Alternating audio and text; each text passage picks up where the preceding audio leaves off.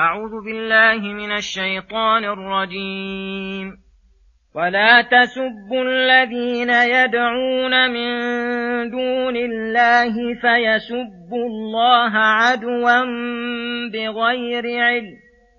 كذلك زينا لكل أمة عملهم ثم إلى ربهم مرجعهم فينبئهم بما كانوا يعملون. وأقسموا بالله جهد أيمانهم لئن جاءتهم آية ليؤمنن بها.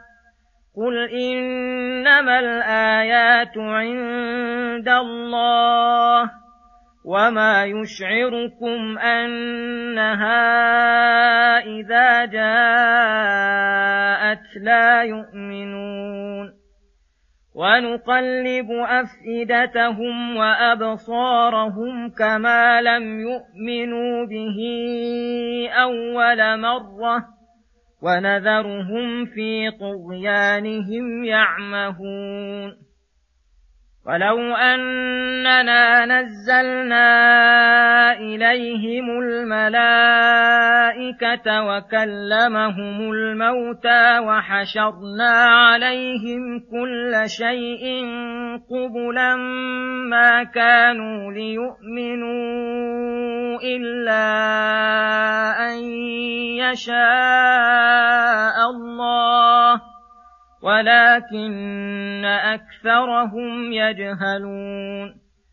وكذلك جعلنا لكل نبي عدوا شياطين الإنس والجن يوحي بعضهم إلى بعض يوحي بعضهم إلى بعض زخرف القول غرورا. ولو شاء ربك ما فعلوه فذرهم وما يفترون ولتصغى اليه افئده الذين لا يؤمنون بالاخره وليرضوه وليقترفوا ما هم مقترفون بسم الله الرحمن الرحيم السلام عليكم ورحمة الله وبركاته. يقول الله سبحانه ولا تسبوا الذين يدعون من دون الله فيسبوا الله عدوا بغير علم. كذلك زينا لكل أمة عملهم ثم إلى ربهم مرجعهم فينبئهم بما كانوا يعملون.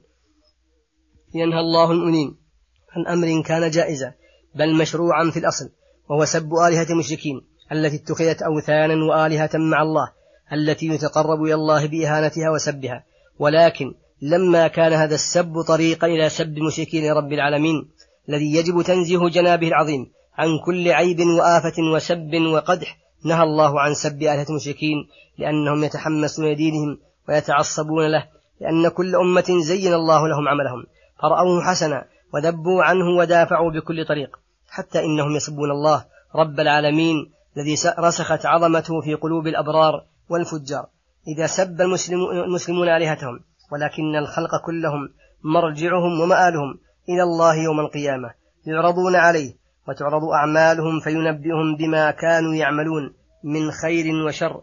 وفي هذه الآية الكريمة دليل للقاعدة الشرعية وهو أن الوسائل تعتبر بالأمور التي توصل إليها وأن وسائل المحرم ولو كانت جائزة تكون محرمة إذا كانت تفضي إلى شر. ثم يقول سبحانه أقسموا بالله جهد أيمانهم لئن جاءتهم آية ليؤمنن بها.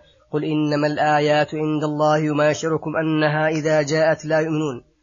أي أيوة أقسم المشركون المكذبون الرسول محمد صلى الله عليه وسلم بالله جهد أيمانهم. أي قسم اجتهدوا فيه وأكدوه. لئن جاءتهم آية تدل على صدق محمد صلى الله عليه وسلم ليؤمنن بها. وهذا الكلام الذي صدر منهم. لم يكن قصدهم فيه الرشاد وإنما قصدهم دفع الاعتراض. ورد ما جاء به الرسل قطعا. فإن الله أيد رسوله صلى الله عليه وسلم بالآيات البينات والأدلة الواضحات التي عند الالتفات إليها. لا تبقي أدنى شبهة ولا إشكال في صحة ما جاء به. فطلبهم بعد ذلك للآيات من باب التعنت الذي لا يلزم إجابته بل قد يكون المنع من إجابتهم أصلح, أصلح لهم. فإن الله جرت سنته في عباده أن المقترحين للآيات على رسلهم إذا جاءتهم فلا يؤمنون, فلا يؤمنوا بها أنه يعاجلهم بالعقوبة. ولهذا قال قل إنما الآيات عند الله أي هو الذي يرسلها إذا شاء ويمنعها إذا شاء ليس لي من أمر شيء. فطلبكم مني الآيات ظلم وطلب لما لا أملك وإنما توجهون إلى توضيح ما جئتكم به وتصديقه وقد حصل. ومع ذلك فليس معلوما أنهم إذا جاءتهم الآيات يؤمنون ويصدقون بل الغالب ممن هذه حاله أنه لا يؤمن. ولهذا قالوا ما يشعركم أنها إذا جاءت لا يؤمنون ونقلب أفئدتهم وأبصارهم كما لم يؤمنوا به أول مرة ونذرهم في طغيانهم يعمهون. أي ونعاقبهم إذا لم يؤمنوا أول مرة يأتيهم فيها الداعي وتقوم عليهم الحجة بتقليب القلوب والحيلولة بينهم وبين الإيمان وعدم التوفيق لسلوك الصراط المستقيم. وهذا من عدل الله وحكمته بعباده فإنهم الذين جنوا على أنفسهم وفتح لهم الباب فلم يدخلوا. وبين لهم الطريق فلم يسلكوا. فبعد ذلك إذا حرموا التوفيق كان مناسبا لأحوالهم. وكذلك تعليقهم الإيمان بإرادتهم ومشيئتهم وحدهم وعدم الاعتماد على الله من أكبر الغلط. فإنهم لو جاءتهم الآيات العظيمة من تنزيل الملائكة إليهم يشهدون الرسول بالرسالة وتكليم الموتى وبعثهم بعد موتهم وحشرنا عليهم كل شيء حتى يكلمهم قبلا ومشاهدة مباشرة بصدق ما جاء به الرسول ما حصل لهم الإيمان. إذا لم يشأ الله إيمانهم ولكن أكثرهم يجهلون. فلذلك رتبوا إيمانهم على مجرد إتيان الآيات. وإنما العقل والعلم أن يكون العبد مقصوده اتباع الحق ويطلبه بالطرق التي بينها الله ويعمل بذلك ويستعين ربه في اتباعه ولا يتكل على نفسه وحوله وقوته ولا يطلب من الآيات ولا يطلب من الآيات اقتراحية ما لا فائدة فيه. ثم يقول تعالى وكذلك جعلنا لكل نبي عدوا شياطين الإنس والجن يوحي بعضهم إلى بعض زخرف القول غرورا الآيات. يقول تعالى مسلم الرسول صلى الله عليه وسلم وكما جعلنا لك أعداء يردون دعوتك ويحاربونك. وكما جعلنا لك أعداء يردون دعوتك ويحاربونك ويحسدونك. فهذه سنتنا أن نجعل لكل نبي إلى الخلق أعداء من شياطين الإنس والجن يقومون بضد ما جاءت به الرسل. يوحي بعضهم إلى بعض زخرف القول غرورا أي يزين بعضهم لبعض الأمر الذي يدعون إليه من الباطل يزخرفون له العبارات حتى يجعلوه في أحسن صورة ليغتر به السفهاء وينقاد له الأغبياء الذين لا يفهمون الحقائق ولا يفهمون المعاني بل تعجبهم الألفاظ المزخرفة والعبارات المموهة فيعتقدون الحق باطلا والباطل حقا. ولهذا قال تعالى لتصغى إليه أي ولتميل إلى ذلك الكلام المزخرف أفئدة الذين لا الذين لا يؤمنون بالآخرة. لأن عدم إيمانهم باليوم الآخر وعدم عقولهم النافعة يحملهم على ذلك. وليرضوه بعد أن يصغوا إليه فيصغون إليه أولا فإذا مالوا إليه ورأوا تلك العبارات المستحسنة رضوه وزين في قلوبهم وصار عقيدة راسخة وصفة لازمة ثم ينتج من ذلك أن يقترفوا من الأعمال والأقوال ما هم مقترفون أي يأتون من الكذب بالقول والفعل ما هو من لوازم تلك العقائد القبيحة. فهذه حال المفترين شياطين الإنس والجن المستجيبين, المستجيبين دعوتهم وأما أهل الإيمان بالآخرة وأولو العقول الوافية والألباب الرزينة فإنهم لا يغترون بتلك العبارات ولا تخلبهم تلك التمويهات بل همتهم مصروفة إلى معرفة الحقائق فينظرون إلى المعاني التي يدعون إليها الدعاء التي يدعو إليها الدعاة فإن كانت حقا قبلوها وانقادوا لها ولو كسيت عبارات رديئة وألفاظا غير وافية وإن كانت باطلة ردوها على من قالها كائنا من كان. ولو ألبست من عبارات مستحسنة ما هو أرق من الحرير.